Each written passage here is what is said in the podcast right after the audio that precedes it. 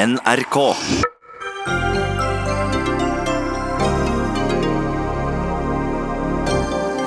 Landets politimestre kutter i antall stillinger. Nå må regjeringen sette inn tiltak for å redde nærpolitireformen, krever lederen av justiskomiteen. Hun møter justisministeren til debatt. Kvinnelige påvirkere bruker kynisk tårer og tunge opplevelser i markedsføringen av seg selv, men blir likevel behandlet med silkehansker i mediene, hevder mediekritiker, som møter både avis og manager til debatt. Akkurat nå går sentralbanksjefen på talerstolen og skal rette sin advarende pekefinger til politikere og økonomer. Hva han advarer mot, får du vite om kort tid her i Dagsnytt 18. Og Aftenpostens A-magasinet beskyldes for å stigmatisere gjennom anekdotiske historier om vanskelige pasienter på fastlegekontorene av en pasient som selv er lege. Det var ikke vår intensjon, beklager redaktøren, men stemmer det ikke at pasienter krever mer og mer?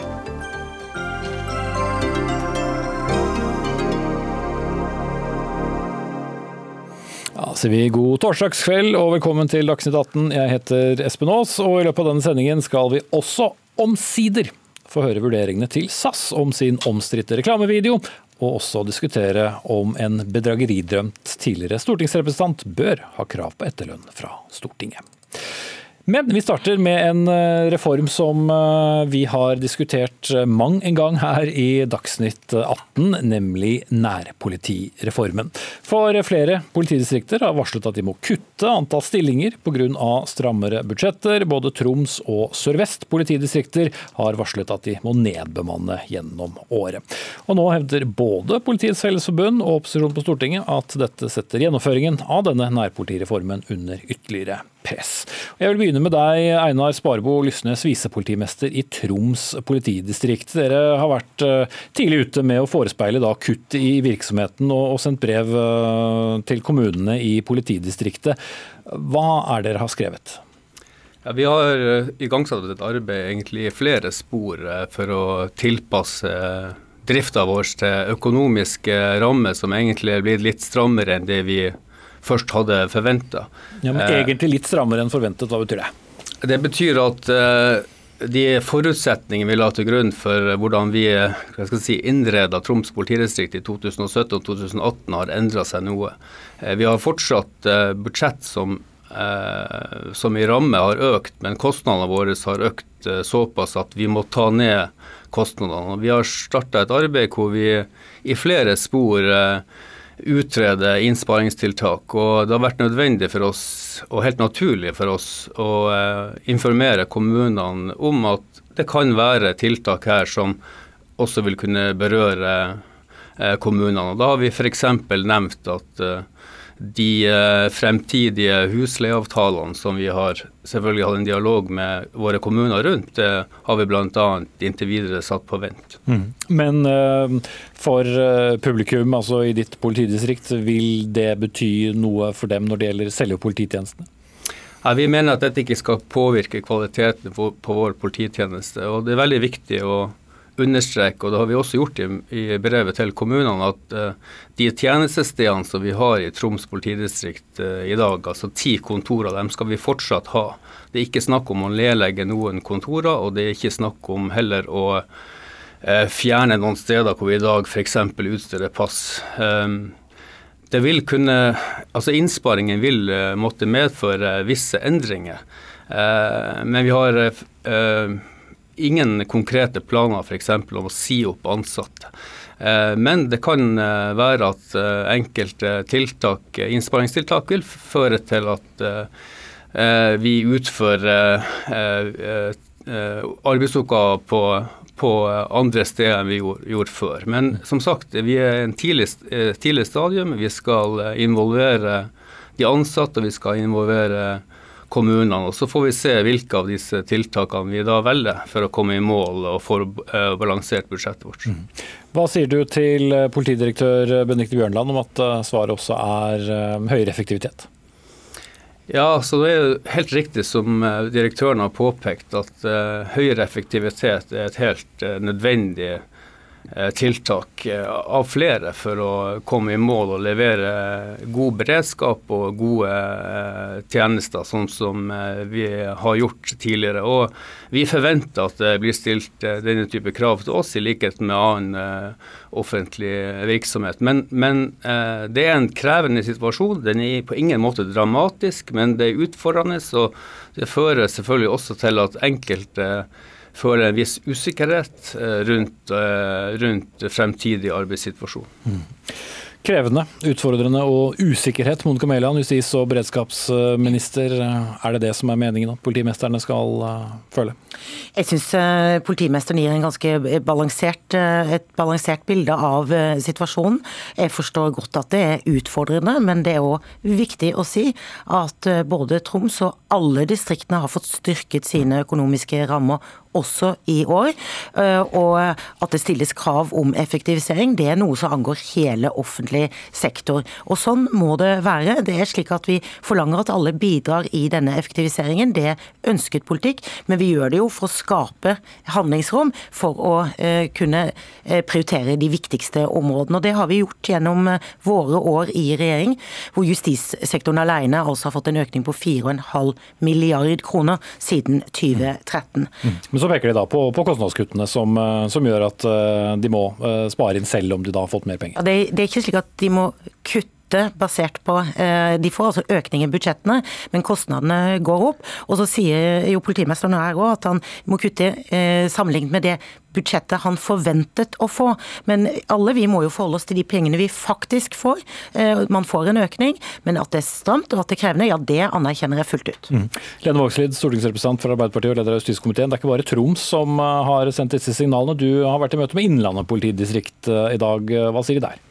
Jeg har vært på Hamar i dag og møtt både politimester og tillitsvalgte og ansatte. Og det er mye av det samme.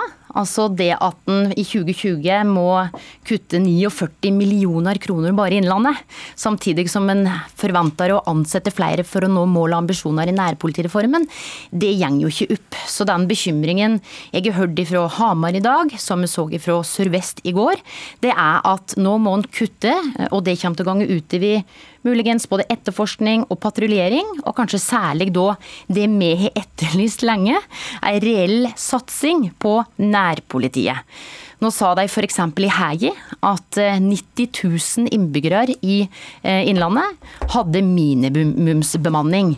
Ei patrulje som førte til at seks-sju mer eller mindre alvorlige voldssaker ikke ble gjort noen ting med. Og det er jo den frustrasjonen vi hører. At folk er bekymra for dårligere hverdagsberedskap. En ser politiet mindre, og særlig i distriktene så opplever en òg at en ikke kommer når de trenger det. Mm. Er du bekymret, Mæland? Nå har jeg vært justisminister i snart tre uker, i morgen blir det tre uker. Og jeg har disse ukene møtt eh, ganske mange politifolk. Og det jeg har lyst til å si som inngang til en sånn debatt, det er at jeg har ikke møtt én eneste ansatt eller leder som ikke mener at politireformen er riktig. Som ikke mener at det har medført økt kvalitet, det har medført flere politifolk, det har vært gjort en stor satsing på investering i IKT, eh, vi har styrket beredskap, vi har styrket altså veldig mange områder. Så det har vært dårlig dårlig rykte? som du sagt tidligere? Ønsket politikk. Jeg mener den har fått et ufortjent dårlig rykte, fordi eh, noen ganger høres det ut som eh, reformen var feil. Det var den ikke. Men at det er grunnlag for å gjøre forbedringer, og at eh, ting kan oppleves stramt, ja det anerkjenner jeg. Men vi skal ikke skru klokken tilbake. Vi må altså videreutvikle norsk politikk. Og bare det faktum at vi nå eh, har sett en økning uh, på saker som omhandler barn, overgrep mot barn, på 160% ja da har vi gjort noe riktig. Politiet har gjort noen veldig riktige prioriteringer. Og, og det er altså... Bare først. Det er jo ikke gitt at en reform alene må være mislykket, selv om eh, de opplever eh, strammere budsjetter pga. økte kostnader? Nei, absolutt ikke. Og det er mye som fungerer i politireformen. Eh, det har Arbeiderpartiet aldri benekta. Det som er problematisk, jeg kan ikke forholde meg til hver gang denne regjeringen får en ny justisminister, det er helt håpløst. Men vi inngikk en avtale i 2015 om å styrke nærpolitiet, om at vi skulle få et likere politi over hele landet. Og vi mener at den avtalen er brutt av dagens regjering. Det ser vi konturene av nå. Ordføreren i Seljord har f.eks. sendt deg et brev der hun spør om hvordan han har tenkt å levere på Stortingets vedtak om at alle gjenværende tjenestesteder skal styrkes. For det har en ikke gjort. Det andre er etterforskningsløftet. Og det tredje er den situasjonen vi nå ser blant påtalejurister. Vi mangler folk, og da får ikke Hans Vik i Sør-Vest politidistrikt f.eks. til å nå de mål og ambisjonene vi har satt i Stortinget. Ja. Men, men, men, det er altså sånn at vi inngikk et forlik. Og så er det sånn at Arbeiderpartiet nå er fryktelig opptatt av å løpe etter Senterpartiet. De er veldig opptatt av å evaluere en form som vi var enige om at vi skulle evaluere i 2022. Vi er nå i 2020, og vi er midt inne i arbeidet. Og det har altså skjedd en styrking på veldig, veldig mange områder. Ja, men det er ikke, er vi enige. Og det vil du finne, og, og men, men, jeg, må bare er ikke Jeg må bare si, Når det gjelder å telle politifolk ute, så forteller ikke det eh, på de minste tjenestestedene, så forteller ikke det nødvendigvis noe om tjenestene som innbyggerne våre får. Mm. Fordi man har fått bedre tjenester. Det er sånn at vold og overgrep mot barn skjer like mye på bygda som i byen. Og den andelen eh, som jeg nå viste til, den har altså økt dramatisk. Sånn at vi har et politi som er bedre rustet. Eh, og så kan det gjøres forbedringer, og derfor har vi sagt vi skal legge men det store spørsmålet er vel klarer politiet å levere de tjenestene som er lagt opp til i nærpolitireformen? Går det an å si et ja eller et nei til det? Ja, nei, det klarer jeg ikke. I hovedsak vil jeg si det, men jeg vil si at det er fortsatt ting som må gjøres. Eh, vi er ikke ferdig med jobben, og derfor har vi òg sagt at vi skal eh, eh, komme med en stortingsmelding om politi, som jeg vet man er veldig frustrert over. Ja, for den blir stadig forsinket, bl.a. fordi dere skifter ja, ja, Men jeg sitter nå og jobber med den, og den kommer. Mm, ja, Vi opplever jo en total handlingslammelse i justispolitikken og når det gjelder politiet. Det har litt med svingdynne i Justisdepartementet å gjøre, men det handler ikke bare om det. Mitt mitt råd til deg, som nå den åttende justisministeren, det er å lytte til de tillitsvalgte i politiet. Lytt til det politimestrene nå sier. Sørg for at vi får til å styrke både nærpolitiet, gjennomføre etterforskningsløftet, slik at ofre for kriminalitet ikke må stande i kø, mens kriminelle får strafferabatt. Mæland har en kjempejobb foran seg.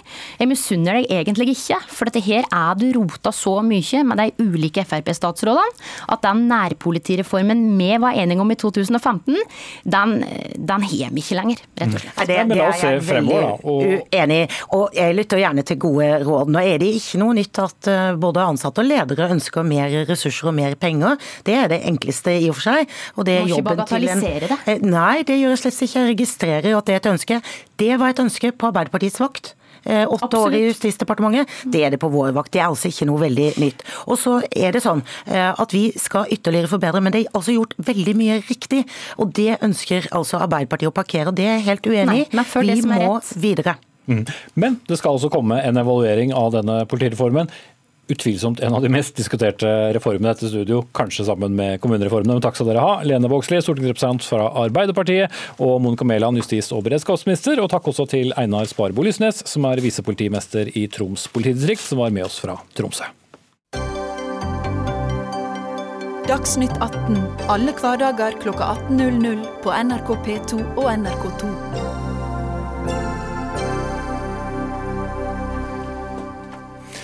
I eh, kjølvannet av det som vel må sies å være den pågående debatten om influenseres påvirkningskraft, så kommer medie, en mediekritiker nå med en krass kritikk om hvordan pressen og media omtaler kvinnelige påvirkere, eller influensere, da, som de ofte kalles.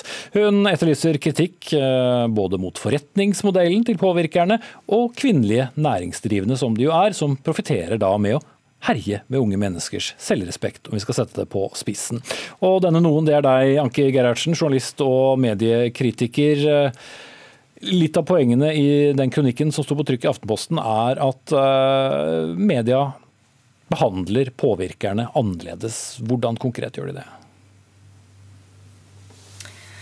Ja, eh, hvordan konkret gjør de det? Eh, jeg mener at de behandler det med en sånn forsiktighet, en slags eh, frykt for at eh, eh noen skal bli lei seg, eller en, eh, en hensynstagen da, som jeg ikke syns de fortjener. Mm. og så så de blir behandlet ja. snilt ut fra den makten og påvirkningskraften de har, hvor de når ut til hundretusenvis av unge mennesker? Ja. Eh, jeg trekker en parallell til metoo som et forsøk på å liksom vekke pressen opp fra dvalen. I dag har NRK et intervju med en doktorgradsstipendiat som sier at eh, de har forskning som viser at ungdom som følger blogger med et sterkt utseende og kroppsfokus, ender opp eh, med redusert selvtillit og sterk kroppsmisnøye selv. Det syns jeg er kjempealvorlig. Og hvorfor tåler vi at disse bedriftseierne, disse mektige kvinnene, herjer med barn og unges selvtillit og forhold til kroppen sin, mens vi ellers er ganske vare på alle som forsøker å herje med unge kvinners kropper, da. Mm. Så vi skal være er i møte med vi skal være tøffe ja, i møte med, med, med, påvirkerne. Men hvordan da? Altså, er det intervjuformen? Er det omtalen? Hva, hva etterlyser du? Ja, egentlig eh, alle, alt sammen. Eh, jeg syns at vi skal slutte konsekvent å omtale dem med fornavn. De skal omtales med etternavn, og man skal veldig mye oftere si bedriften, selskapet, forretningskonseptet. Sånn at, eh, for språket er viktig, og det bevisstgjør oss hva dette her faktisk er for noe. Og så savner jeg mye mer kritisk journalistikk. Jeg tror VG for en tid tilbake dro til Tyrkia og så kunne og intervjua de som driver disse klinikkene, som vi vet at eh, noen av disse bloggerne har vært hos og fått operert inn implantater. Og de sier jo selv at disse influenserne er viktige for deres eh, økonomiske vekst. Mm. Da skal jeg rette mer eller mindre samme spørsmål til deg. Selma Moren, du er debattansvarlig i Dagsavisen. Det, behandler vi påvirkerne med en annen form for journalistikk enn vi gjør med politikere og næringsdrivende? Det tror jeg vi gjør. Eh, jeg tror man er mye mer opptatt av konflikten mellom enkeltpersoner enn man er på å se på det store bildet. Og det er jo også det jeg har villet eh, bringe inn til debatten. At jeg syns at det blir altfor mye fokus på enkelte blogger og hvilket lag er du på, i stedet for å snakke om dette som et bransjeproblem. Mm. For det er jo det det er. Mm. Men du jobber jo i, en avis ja. selv. Hva slags journalistikk burde vi da sett overfor de som eh, påvirker livene da eh, potensielt, eller mange, potensielt mange hundre tusen liv av gangen? Nei, Vi burde ta det mer på alvor i journalistikken vår. Eh, det er nok en felle tror jeg, for veldig mange medier å lage klikkbasert journalistikk. For hvis det er noe med Sofie Elise Isaksen, så blir vi veldig opptatt av å uh, lage en stor sak med bilde av henne og hennes at, at, vi ikke tar dem på alvor. da. Heller ikke samtalen om debatten. Og da kommer vi jo ingen steder. Så Gerhardsen har helt rett? Ja, jeg syns hun har helt rett. Men hvorfor endres det ikke? Hvorfor, hvorfor lager ikke Dagsavisen annen journalistikk, eh, samme type journalistikk eh, overfor påvirkerne som eh, dere gjør f.eks. av metoo, som var sammenligningen til, til Gerhardsen? Ja, um, det er jo en sammenligning som jeg kanskje reagerer litt på. Eller jeg forstår den ikke helt. Men altså, den kritikken som jeg har fått av Gerhardsen, er jo at jeg, jeg i debatten sier at man ikke skal at enkeltpersoner ikke skal bli såret. Og jeg opplever at jeg ikke sa det, men at jeg sa at eh, konsekvensen av at det handler om personer, er at debatten ikke kommer seg videre. Men konsekvensen er jo ikke at de blir lei seg. Men å svare på hvordan vi som journalister burde skrive om influensere, har jeg ikke mm. et fasitsvar på. da. Gerhardsen. Ja, eh, det du sa i debatten, var at altså Du gjentok flere ganger at man ikke skulle gå til personangrep.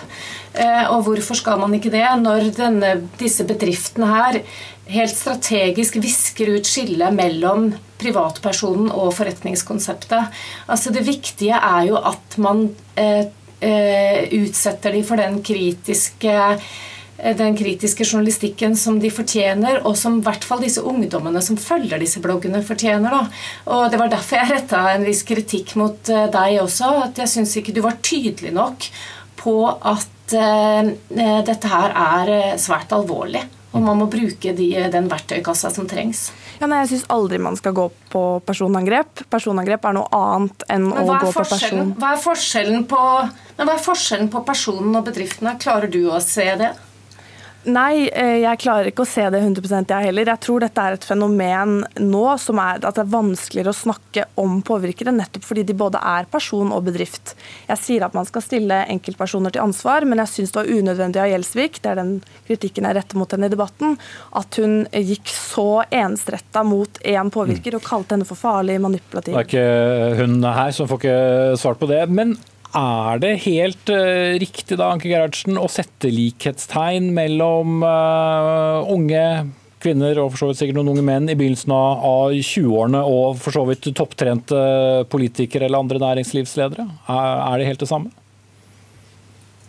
Ja, jeg, tror ikke, jeg, tror ikke, det er helt sånn jeg har skrevet teksten min. Eh, jeg sier ikke at vi Jeg trekker ikke inn dette her med politikere. Vi må se det litt, sånn litt i kontekst. Og eh, når jeg trakk inn metoo, så var det liksom for å, for å bare skape en litt sånn eh, grunnlag for refleksjon her. Da. Jeg, jeg, syns, jeg lurer på om det handler om at vi har en tendens i samfunnet vårt til å eh, forstå og forklare eh, kvinner som utøver vold, kvinnelige overgripere, kvinner som skader barn, eh, i større grad enn vi gjør med menn. Og det er jo ikke noe som jeg finner på. Det, har, eh, det er jo dokumentert. Mm. Så er det jeg lenker også til artikler som ja, at det er et kjønnsperspektiv. At kvinner som eh, utsetter barn for uh, vold og skade, der uh, leter man etter forklaringer, har en større grad av forståelse enn man har hvis menn utøver sånn type skadelig virksomhet. Det må man være veldig, veldig bevisst på, også når det gjelder disse Eh, selgerne, som jeg nå heretter skal kalle dem. Ja. En som har sittet tålmodig og lyttet til dere begge, er deg, eh, Jan Olav Isaksen. Du er manager og også far til Sofie Elise Isaksen. Eh, hva tenker du om det du har sittet og, og hørt på? Nei, jeg syns jo det at jeg, jeg ser også det, det er vanskelig å skille mellom personen og, og bedriften. Uh, og Det er jo akkurat nettopp det som jeg også har reagert en del på. fordi at Noen, noen prøver seg på å si at man kritiserer bedriften, mens det man faktisk egentlig kritiserer og direkte personangriper, er faktisk nettopp personen. Og uh, Det blir ofte, veldig ofte uh, det som Gerhardsen sier Jeg vil hevde at mye av det som Gerhardsen sier, er egentlig bare retoriske knep for å komme fram til til, med sine jeg vil si billige poeng. da. Mm. Jo, men øh, Du som er så på innsiden, svar da meg som, øh, som journalist. Hvordan skal jeg kunne utøve da en fair uh, kritikk mot den virksomheten som, som, du og din datter driver? Uten at dere skal ta det, tas personlig? Nei, men så gjør det med å være fair, da. Eh, og, og, Det blir ofte, ofte, litt sånn som eh, Jeg kan jo bare ta med, med Sofie Elise som et eksempel. da. Eh, ofte så blir det slik at hvis man kritiserer Man tar ut én bitte, bitte liten sak og sier at sånn er det. Sånn er du, sånn er bloggen din, sånn er serien din, sånn er, sånn er livet ditt. Det blir omtrent det samme som å si altså Sofie Elise hadde en blogg i nesten ti år. Hun skrev daglig i den. La oss si at den daglige innskrivinga var et A4-ark. Eh, det vil da med andre ord si at eh, i løpet av den tida så har hun skrevet like mange sider som eh, Knausgårds Min kamp til sammen. Okay. Å dra ut av bare én side av det og si at å kritisere hele, si, hele, verket på bakgrunn av det, og si at du er sånn, eller du mener sånn, eller din såkalte bedrift er sånn, på bakgrunn av det, er jo totalt feil. Men hvis pressen da ønsker å komme med kritikk av måten hun velger eh, å skrive til og påvirke sine mange, mange tusen følgere. Hva mener du er en fair journalistisk kritikk? Ja, eh, poenget her er jo det at, eh, at opplegget, med, si, konseptet med, med, det hun har gjort da, med bloggen, har jo nettopp vært Hun starta da hun var 16 år. Uh, og tenkte at jeg skal skrive om mitt eget liv. Jeg skal skrive om mitt liv jo, jeg, jeg kjenner konseptet, sånn men jeg bare prøver å forstå hvordan vi da skal tilnærme oss ja, uten at det skal tas personlig. Ikke sant. Ja, det, er, det, må jo du og dere journalister finne ut av og gjøre det på, et, på et, en, en, ærlig og redelig måte. Jeg syns ikke måten Anki Gerhardsen gjør det på i sitt innlegg i Aftenposten er en ærlig og redelig måte. For det innlegget er for det første fullt av personangrep, selv om hun prøver å skjule det bak, bak eh, at hun kritiserer forretningsmodell. Men, men, det hun helt klart sier, er jo at det er en kynisk og manipulativ forretningsmodell. Og det jeg prøver å forklare, er at hun har ikke gjort noe annet siden hun var 16 år enn å skrive ufiltrert om sitt eget liv. Du svarer kort på det, Gerhardsen sier at det er ky Hvis noen da kommer og sier at det er kynisk og manipulativt bak det, så sier det mer om, om eh, den som okay. sier det, enn en, noe annet. Ja, jeg hører at det kommer ingen konkrete forslag til hvordan man skal kunne kritisere eh, Sofie Elise AS. Det er liksom. Det er vel oppsummeringen og svaret som du fikk fra manageren hennes. Det er det, Han ser ingen muligheter for hvordan man kan angripe denne bedriften her uten samtidig å angripe Isaksen personlig. Og der har du jo hele kjerneproblemet. Når du lager en forretning som er eh, til eh, forveksling lik deg selv, så blir det umulig å kritisere den uten at den som blir kritisert, kan kontre med at du går til personangrep. Men pressen må bare heve seg over Spørsmålet det. er jo igjen Spørsmålet igjen er jo hva er det som kritiseres? Hva er det som kritiseres, og hvordan kritiseres det? Eh, Men hva hvis er hun det- hva er kritiseres det som egentlig, en eh, Gerhard- god eller dårlig rollemodell, hvordan eh, er det ikke fair å kritisere eller stille spørsmål ved Jo, den rollemodellfiguren? Jo da, jo da, men som jeg jo sier, men vær fair, da. Eh, Når du da sier at noen er en, en dårlig rollemodell, så må du, du må se det store bildet i det som faktisk er det som er presentert. Du kan ikke bare dra ut en bitte liten ting eh, og si at du er en dårlig rollemodell gjennom det. Når du, går- når du unnlater å si noe som helst av de 99,9% andre tingene som samme person gjør, Jo, plastisk kirurgi er jo er noe som har blitt eh, trukket frem. Noen har pekt på at det ikke er en god rollemodell for unge kvinner. Er ikke det fair? Jo, men, men det, blir, som igjen, det blir som å ta en bitte, bitte liten del av sannheten. Hvis du da, alle Sofie, eller veldig, veldig, veldig mange av Sofie sine følgere, eksempel, som har nettopp det store bildet, kommer og sier til Sofie tusen takk for at du sier det på den måten som du gjør det, og at du sier det som det faktisk er. Ok, jeg vet ikke om jeg ble klokere av det. Vår tid er ute. Takk skal du ha, eh, Jan Olav Isaksen, far og manager til Sofie Elise. Selma Moren, debattansvarlig i Dagsavisen, og Anki Gerhardsen, journalist og mediekritiker.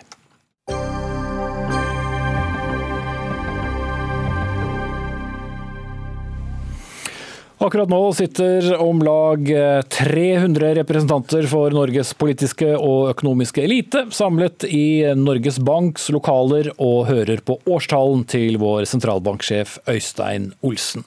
Dette er en tradisjon som går helt tilbake til 1932 og det handler om den økonomiske situasjonen i landet, sett med den til hver tids sittende sentralbanksjefs øyne.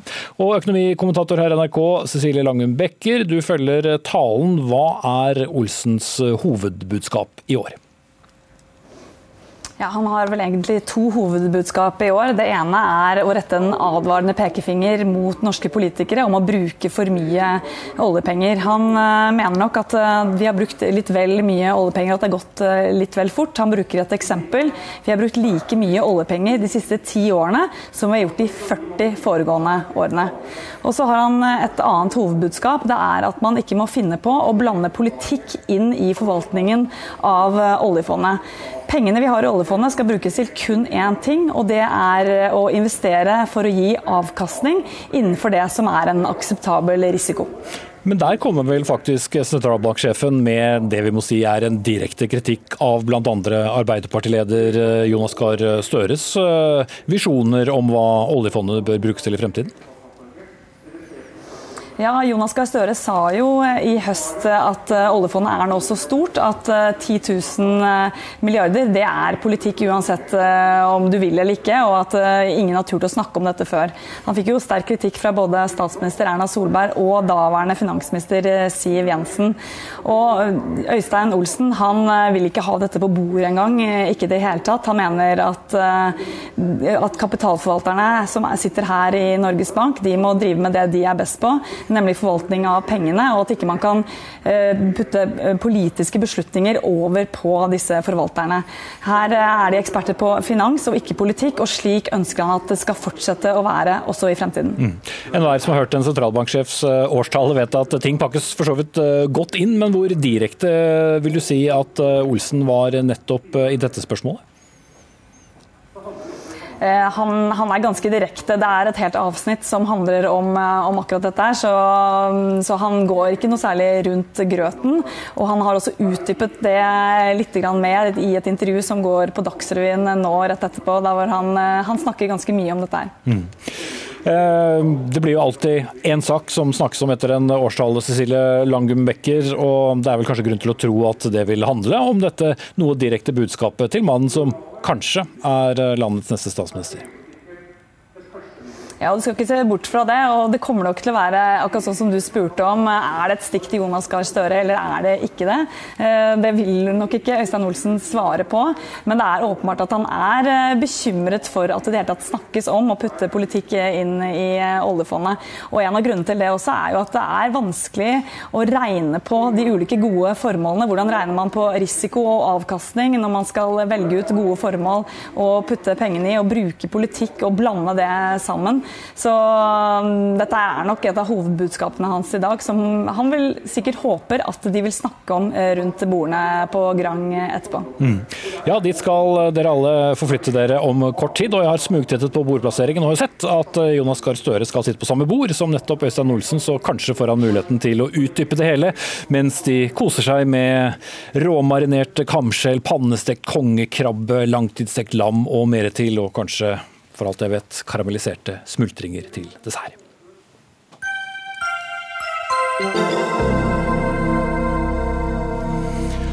Flere greske øysamfunn er nå på bristepunktet etter store ankomster av flyktninger, og senere i sendingen skal vi snakke med Leger uten grenser, som sier at Utenriksdepartementet må handle nå i denne saken. De møter UD til debatt.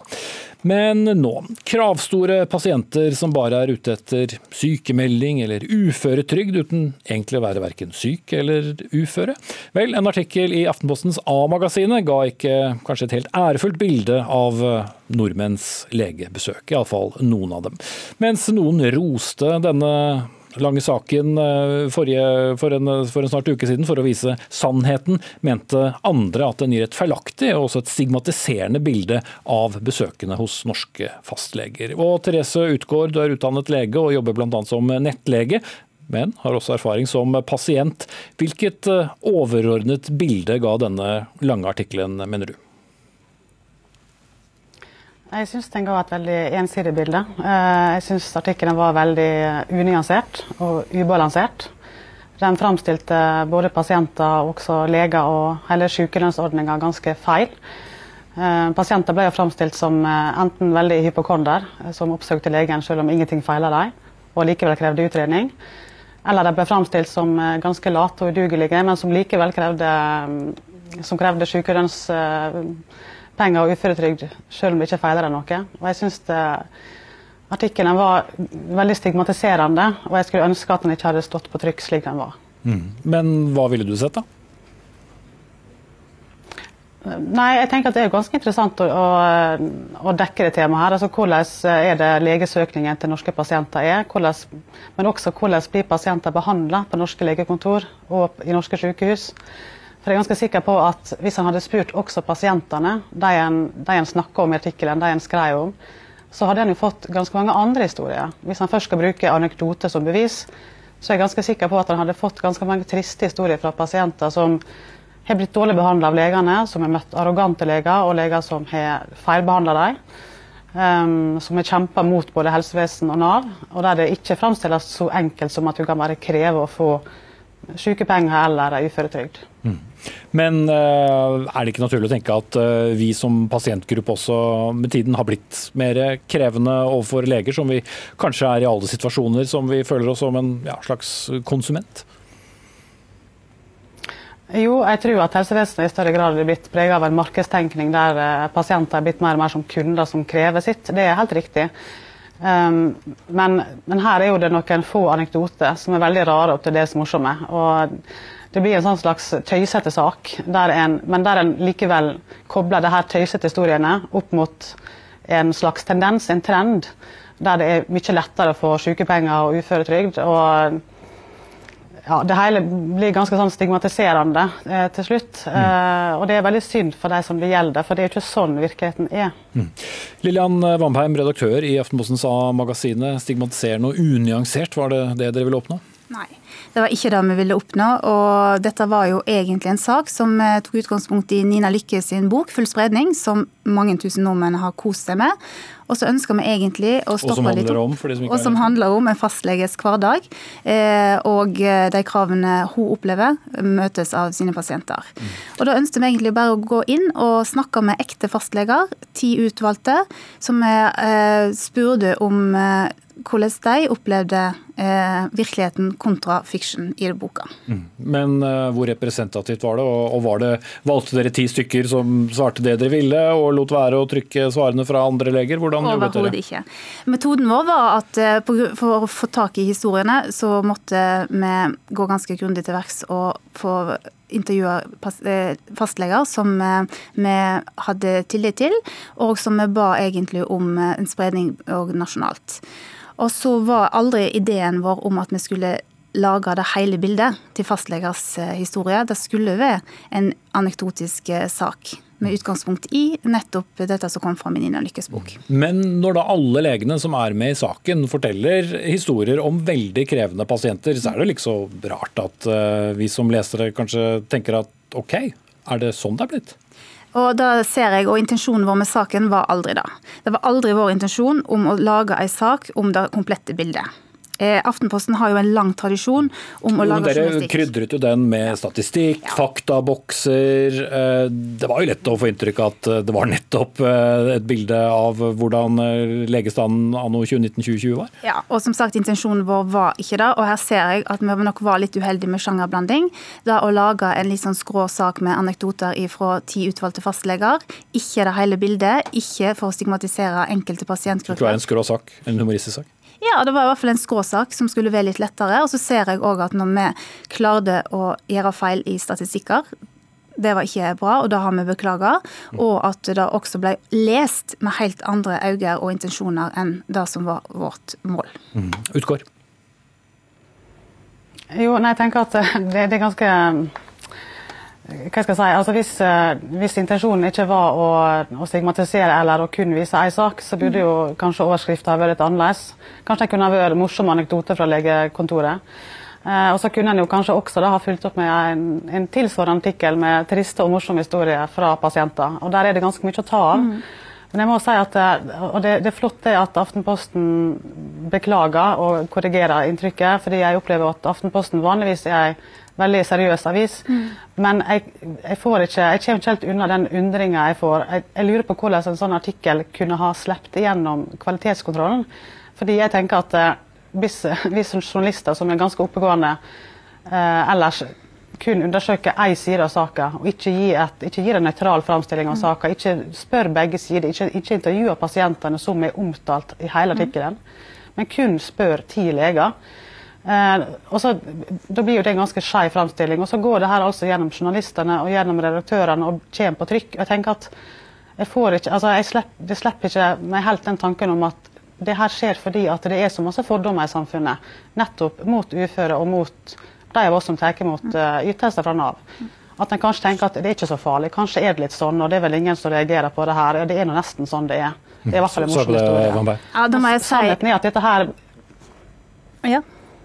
Altså, jeg må jo si at Når jeg hører din eh, reaksjon, så lykkes vi ikke helt med prosjektet vårt. Og Da er jeg glad for at du òg trekker opp at Aftenposten har en lang tradisjon med å lage journalistikk på enkeltpersoners kamp mot system.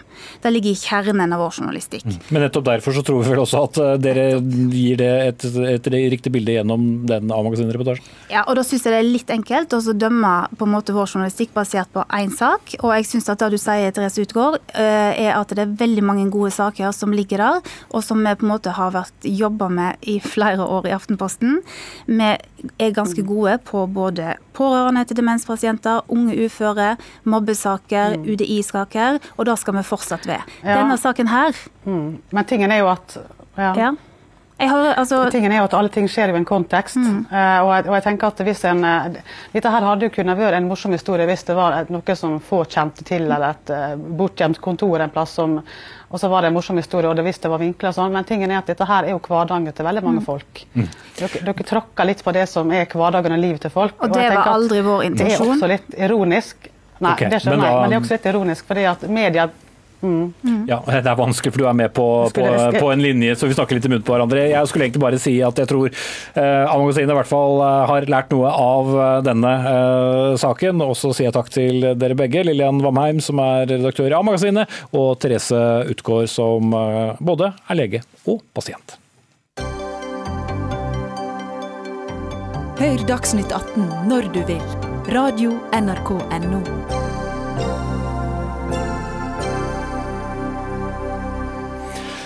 Debatten rundt den omstridte reklamefilmen til flyselskapet SAS fortsetter stadig rundt omkring på sosiale medier. Selskapet valgte jo som kjent i går å legge ut videoen igjen, etter først å ha trukket den tilbake, men har også publisert en kortere utgave av filmen. Reklamen slo som kjent hull på kanskje en del skandinavers eh, forestillinger om hva som faktisk er skandinavisk, som f.eks. binders, midtsommerstong og pappaperm. Ingenting er skandinavisk, alt er kopiert, konkludert publiserte SAS. Og Pressesjef i SAS Norge, Jon Eckhoff. Eh, det at dere har publisert en kortere versjon, var det en innrømmelse at dere hadde lagt ut en litt for provoserende reklame? Inngangen på den første filmen eh, har nok provosert mange, eh, men ser du hele filmen så tror jeg du får med deg poenget, nemlig at reiser inspirerer. Eh, du drar ut i verden, lar deg inspirere, du inspirerer andre. Eh, og Det er jo det som på en måte er eksistensgrunnlaget til oss eh, som flyselskap. Nemlig at vi kan få deg ut i verden, du kan hente inspirasjon og ta det med deg hjem. Foredle det og skape det flotte Skandinavia som vi har. Mm. Men ingenting av det vi trodde var norsk, svensk eller dansk er, er egentlig det. Og, og, mange ble da provosert over at dere velger å ta bort vår felles kulturelle identitet. Ja, Dette er muligens en veldig stor identitetsdebatt, men jeg tror at hvis du ser filmen, eh, og den ligger, begge filmene, både den korte og lange versjonen, ligger ute på YouTube, eh, se den gjerne og gjør deg opp en mening.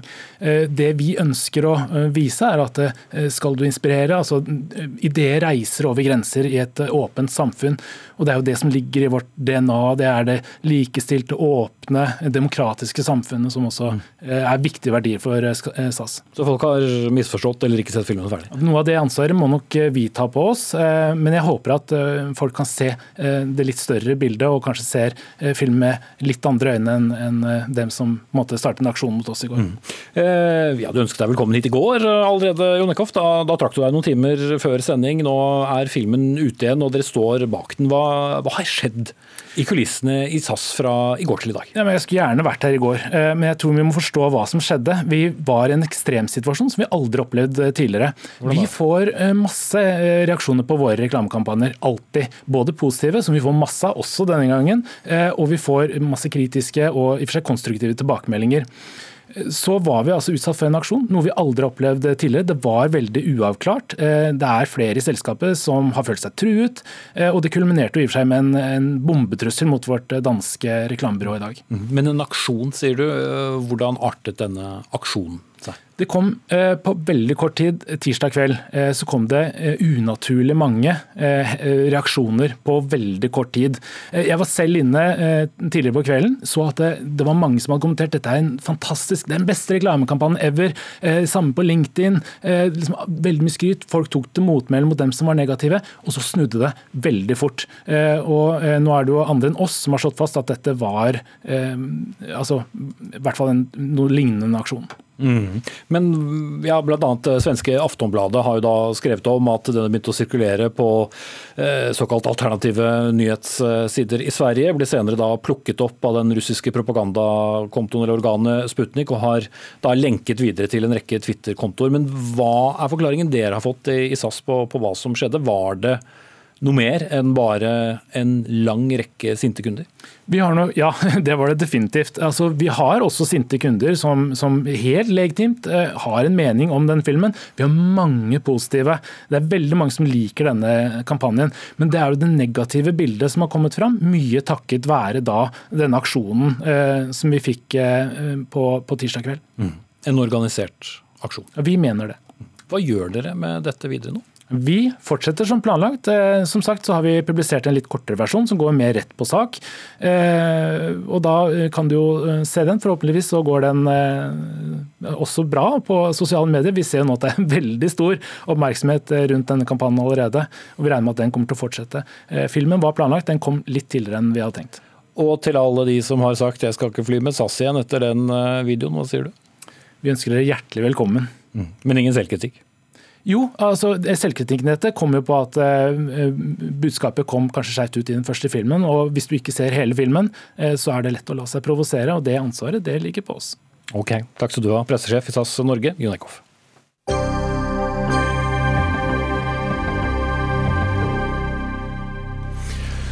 Hva kan norske myndigheter gjøre for å hjelpe flyktninger fanget på greske øyer?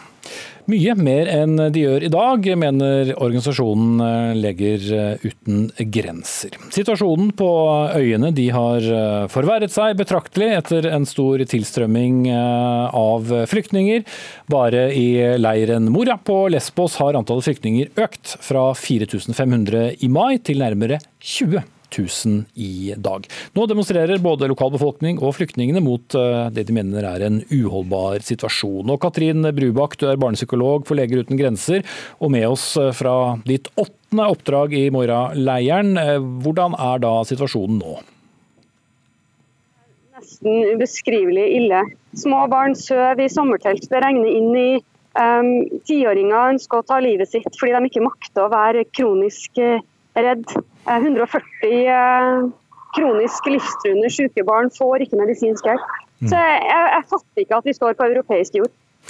Men på hvilken måte har norske myndigheter et ansvar?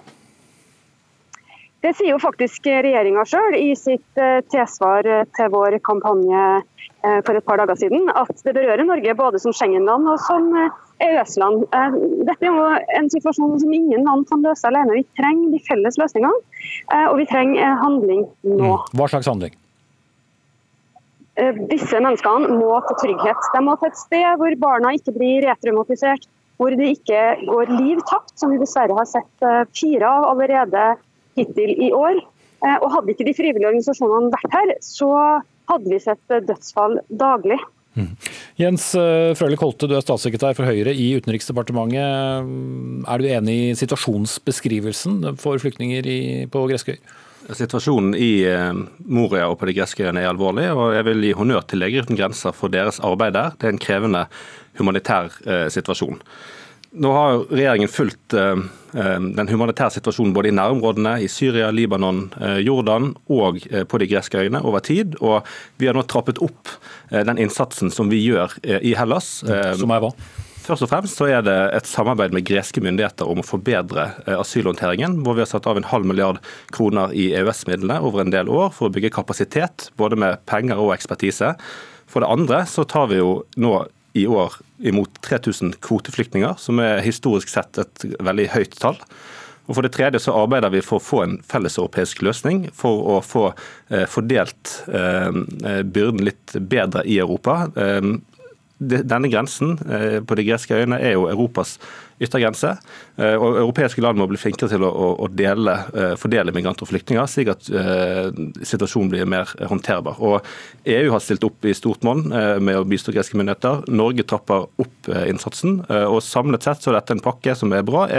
Vi ønsker å hjelpe flest mulig. og Den strategien som regjeringen har valgt, har jo som mål for å få en langsiktig løsning på dette, slik at vi får en, en en bærekraftig eh, politikk hvor de som trenger beskyttelse, får beskyttelse. Mm. Var det svaret du ville ha, Brubakk? Med all respekt å melde, dette hørte jeg i eh, august 2015, da jeg var her for første gang. Så vi har hørt dette gjentatt nå de nesten snart fem år. Og bare for å La meg sitere regjeringas egen strategi om humanitær politikk. Så sier de for å lykkes i den humanitære responsen og forebygge fremtidige behov, kreves det handlekraft. Og Det er denne handlekrafta vi nå etterlyser. For her jeg står utafor Moria-leiren, så kan jeg ikke se det så har det jo skjedd en del siden eh, august 2015. Vi har bl.a. startet dette eh, samarbeidet med greske myndigheter. Ja, vi har startet samarbeid med greske myndigheter nå gjennom EØS-midlene, hvor vi skal sette av en halv milliard kroner til å, eh, å, bistå dem. Det er klart, For å løse dette så må greske myndigheter kunne håndtere asylsituasjonen. De har fått en ny regjering eh, som ønsker å, å, å, løse dette. og Vi bidrar både med kompetanse fra UDI f.eks., eh, til, og med bedre rettssikkerhet. Vi har ganske mange virkemidler i den pakken pakken. Eh, og så ønsker vi å eh, jobbe mer for å få en felleseuropeisk løsning. Men det hoper seg opp med flyktninger likevel? Ja, og Grunnen til det at eh, det greske asylsystemet fungerer for dårlig i dag, det er det vi ønsker å, å, å fikse. og, og samarbeide Hva kan vi som ikke greske myndigheter kan? For så er greske myndigheter dårlige på, på, integrering og på retur. Grekerne har jo et, et, et, asylsystem som har vært bygget for transitt, hvor folk har dratt videre. Nå har det blitt en, en opphoping. og Grunnen til det er at de returnerer ikke folk som ikke har beskyttelsesbehov, Det går jo ikke på, på lengden og på lang sikt. så det, Vi ønsker jo å, å bli, hjelpe greske myndigheter til å få retursystemene deres til å fungere og integrere altså sende folk som ikke har beskyttelsesbehov tilbake. tilbake og uh, forbedre integreringen av de som har beskyttelsesbehov. og Det er veldig viktig for at asylinstituttet skal fungere. Mm. Men jeg, jeg, må få legge til at altså, i, siden 2015 så har vi også eh, lovet å bruke 10 milliarder kroner på nærområdene Syria, Libanon, Jordan. og Det er et løfte som er innfridd. Det er kanskje det største altså, løftet en norsk regjering har gitt i humanitær bistand noensinne, og det er ganske betydelig. Brubak. Ja. Uh, det er fint at man gjør en innsats i Syria og Afghanistan, men jeg står her i Moria akkurat nå. Og UNHCR er veldig tydelig på at det er så akutt og så kritisk at man må evakuere nå. Disse langsiktige løsningene hjelper ikke de barna som selvskader nå, de ungene som dør av diaré, eh, de ungene som er redd fordi det er knivstikking og uro i leiren. Sånn at alt dette blir bare tomme ord. Fordi at Vi har sett at det blir verre og verre, og alle de tiltakene som dere har satt inn, har jo ikke funka. Det er derfor barn dør her nå. Men, men Brubak, da det poenget til eh, Holte her om at det er også en del flyktninger der uten beskyttelsesbehov. Hvordan skal man løse de to tingene? Eh, igjen, FN sine tall viser jo at eh, av de menneskene som er her, så er det 85% som kommer fra krigslignende eller krigsområder, og dermed vil få asylstatus. Eller altså flyktningstatus og godkjent sin eh, asyl. sånn at eh, det at dette er hovedsakelig økonomiske migranter, stemmer jo ikke. Men også vi tenker jo at de som ikke skal ha opphold, bør returneres. Det er bare at systemet fungerer ikke. Og akkurat nå så er det så akutt at vi må først finne de løsningene som hjelper akkurat nå, og så får vi jobbe langsiktig parallelt. Mm. Men hva er det som hjelper eh, akkurat nå? Da må det jo være å hente folk ut derfra? De skal ut, og de må til trygghet. Må finne, man må finne løsninger hvor de kan komme til et sted hvor barn ikke blir retenomatisert og mennesker ikke drept. Mm. Det skjer på vår dørstokk. Det ser en flytur unna der vi har, drar på sydenferie. Mm. Det er så uverdig. Men veldig kort til slutt, Holte, dere kommer ikke til å hente ut flere nå? løsningen er ikke at man uh, gjør sånne enkelt, uh, enkeltuthentinger uh, litt tilfeldig. Det vi trenger er et bra asylsystem i Hellas som fungerer. Ok, det har du sagt. Da ja, men også, også tar vi også imot 3000 kvoteflyktninger i året gjennom UNHCR, som, er betydelig, som men også en betydelig innsats for å avhjelpe en vanskelig humanitær situasjon. Ok. Takk til Jens Ørlik Holte, statssekretær fra Høyre i Utenriksdepartementet, og Katrin Brubakk, barnepsykolog i Leger uten grenser, som var med oss fra Hellas. Dagsnytt 18 på NRK P2 og NRK2. I dag tar jeg en Jesus og går i bresjen for en utskjelt mann. Ja, Det er ikke mine ord, men det er ord som du skrev, Hans Fredrik Martinussen, professor i rettsvitenskap ved Universitetet i Bergen. og Det skrev du på din Facebook-side, og henviste da til at Stortinget nekter å utbetale etterlønn til den bedrageridømte tidligere stortingsrepresentanten for Fremskrittspartiet, Masiar Keshvari. Og hva ville du egentlig si?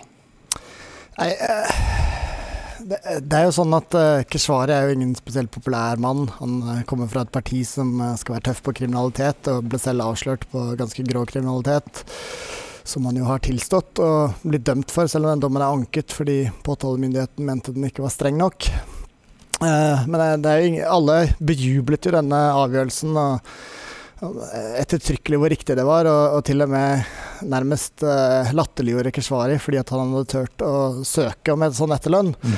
Og da tenkte jeg at det, det går nå an å sette dette litt i perspektiv og si at uh, Keshvari måtte gå på dagen. Helt uavhengig av dette straffbare forholdet, lang tid etterpå, fordi Siv Jensen skulle tilbake til Stortinget. Og vararepresentanter på Stortinget er jo en litt sårbar situasjon.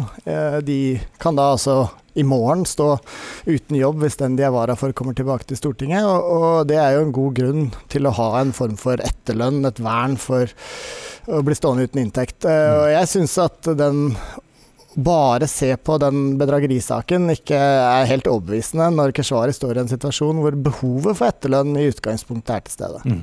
Så selv om Keshvari da erkjente svindel på 450 000 kroner, så bør han kunne be om, eller det har han jo for så vidt gjort, da, og likevel få det innvilget? Jeg syns i hvert fall han skulle be om det, og jeg tror nok at hvis jeg hadde sittet i Stortingets presidentskap, og det gjør jeg jo ikke, og det er ikke veldig sannsynlig at jeg noen gang kommer til å gjøre det, så hadde kanskje min konklusjon vært en annen, ja. Mm. Ja, Stortingspresident Tone Trøen fra Høyre sier at hun ikke kan gå inn i alle aspekter ved denne saken, men at det er en samlet vurdering som gjorde at de avslo dette ønsket. Benedicte Moltemyr Høgberg, du er professor i rettsvitenskap ved Universitetet i Oslo. Du respekterer at Martinussen her tar en utskjelt mann i Forsvaret, sier du til oss, men du er ikke enig i det underliggende? Eh, nei, jeg er enig med Martinussen i at, eh, i at det er greit at han søker, eh, søker, om etterlønn. Men de forholdene som, som, han har innrømmet, og som han også er domfelt for, som da gjelder bedrageri overfor selve Stortinget, og som egentlig er hans arbeidsgiver, så vurderer jeg sånn at det er et, det er et saklig hensyn å ta når man vurderer etterlønn. Og så er det også den litt spesielle situasjonen her i tillegg. Det er jo at Keshvari har faktisk da mottatt full lønn i et års tid, mens han da har vært permittert. Mm, sykemeldt. Sykemeldt, eh, og har, fått, og har fått, full lønn. Og i den perioden, altså, og som Martinussen også sa, altså Keshvari var, var vara for Siv Jensen.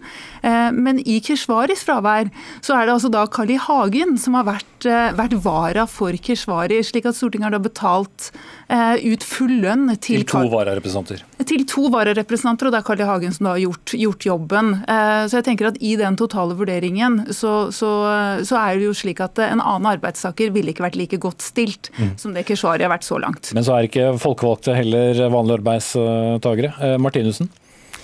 Ja, nei, hadde han vært en vanlig arbeidstaker, så hadde han vært avskjediget på dagen og ikke fått noe som helst. sånn at øh, Jeg sitter jo ikke her og skriker om noen, noen grov urett øh, heller, øh, må jeg vel innrømme. Jeg tror ikke at at uh, professor Høgberg er så fryktelig uenig. Jeg er enig at det er saklig hensyn å ta, uh, men, men uh, stortingsvervet er spesielt. og selv om Stortinget har betalt ut lønn også til Carl I. Hagen, så handler dette for meg først og fremst om å ha et sånt vern når du da plutselig mister jobben på dagen. Og vi andre òg kan jo være sykemeldt et år, og så miste jobben og få lønn i oppsigelsestid, og, og, og Stortinget har nå engang Eh, gitt seg selv bedre ordninger enn en det Nav har å tilby. Og, og da er det spørsmål om ikke de ordningene skal gjelde alle, også de som er utskjelt og har gjort feil. Når det tross alt da, for meg er et viktig poeng at Keshvari ikke måtte gå pga. det straffbare forholdet, men fordi Siv Jensen trådte ut av regjering. Og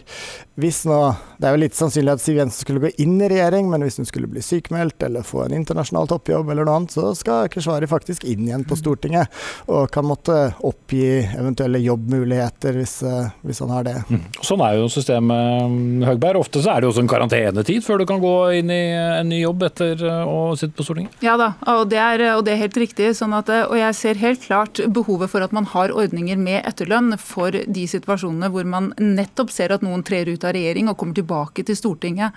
Eh, men det som da er litt spesielt, som jeg sa i denne saken, er at Keshvari rent faktisk da ikke har eh, jobbet det siste året hvor, eh, hvor han har vært, vært vararepresentant på Stortinget. Og jeg, og jeg syns at det er også et, et viktig element i den totale vurderingen som, som, presidentskapet har gjort. Og Det skal også sies at det er jo ikke sånn at det er noen automatikk i at man får innvilget etterlønn. Heller ikke for andre vararepresentanter som trår ut. Hvis de trår ut og har en annen jobb å gå inn i med en gang, så vil heller ikke andre få etterlønn. Mm. Og Her kan vi kanskje si Martinussen, at uh, Keshvari vel har litt mer problemer med å skulle få en ny jobb nettopp pga. Uh, forhistorien? Ja, sånn sett så kan man si at Keshvari har et uh, særskilt stort behov for den etterlønnen. Jeg tror nok ikke at jeg ville lagt vekt på det heller hvis jeg satt i presidentskapet, men, men det at han ikke har en jobb å gå til, tenker jeg er relevant. Uh, og for så vidt så syns jeg at vi har hatt en god diskusjon. Uh, jeg ser at, at Høgberg har gode poenger, og, og, denne saken går sikkert an å diskutere, men jeg ønsket i hvert fall å bringe noen perspektiver inn og si at jeg syns ikke at det var så, så opplagt for enhver at dette var både moralsk klanderverdig fra Keshvari å be om at eh, Stortingets avgjørelse var så, så åpenbar. Mm. Vi har eh, vært i kontakt med eh, Keshvaris advokat Jon Christian Elden i dag. og Han viser til en tidligere uttalelse om at dette virker mer som et ønske om å gi en mann som har lagt seg flat og betalt tilbake hvert øre, en form for tilleggsstraff. Takk skal dere ha, Hans Fredrik Martinussen med oss fra Bergen, og Benedicte Moltemyr Høgberg, som var med oss her i studio. Anne Katrine Førli var eh, ansvarlig for denne sendingen. Frode Thorshaug tok seg av det tekniske. Jeg heter Espen Aas, og vi lover å komme tilbake i morgen.